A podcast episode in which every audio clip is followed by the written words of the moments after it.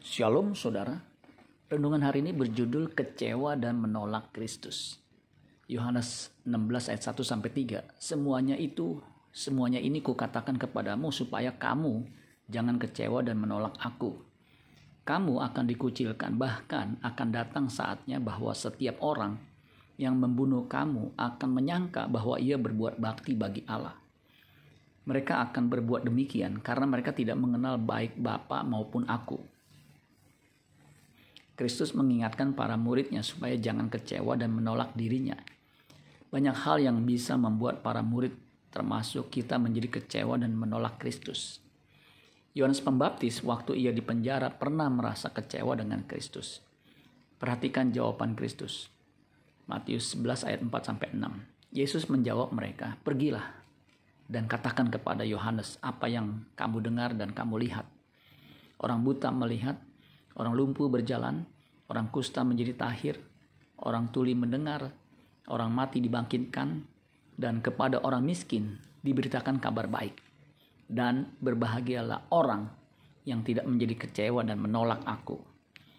Orang-orang sekampung Kristus pun pernah kecewa dan menolaknya. Matius 13 ayat 54 sampai 58. Setibanya di tempat asalnya, Yesus mengajar orang-orang di situ, di rumah ibadat mereka. Maka takjublah mereka dan berkata, dari mana diperolehnya hikmat itu dan kuasa untuk mengadakan mujizat-mujizat itu? Bukankah ia ini anak tukang kayu?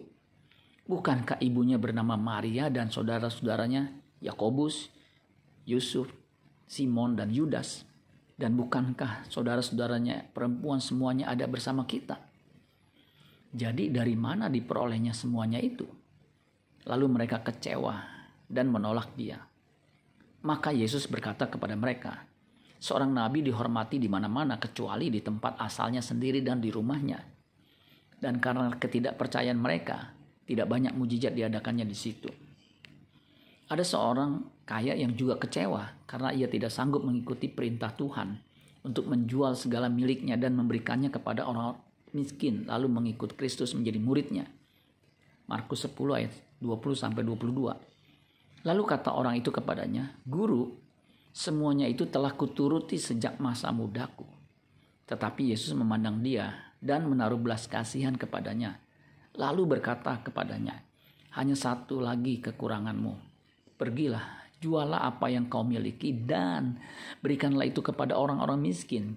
Maka engkau akan beroleh harta di sorga. Kemudian datanglah kemari dan ikutlah aku.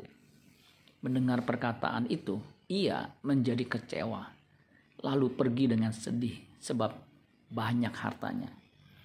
Ada seorang pelayan Tuhan yang kecewa dengan pendetanya, lalu meninggalkan gereja, bahkan ia meninggalkan iman percayanya, sehingga ia menjadi ateis sampai ia meninggal dunia.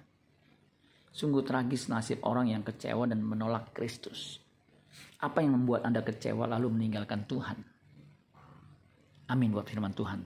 Tuhan Yesus memberkati. Sola Gracia.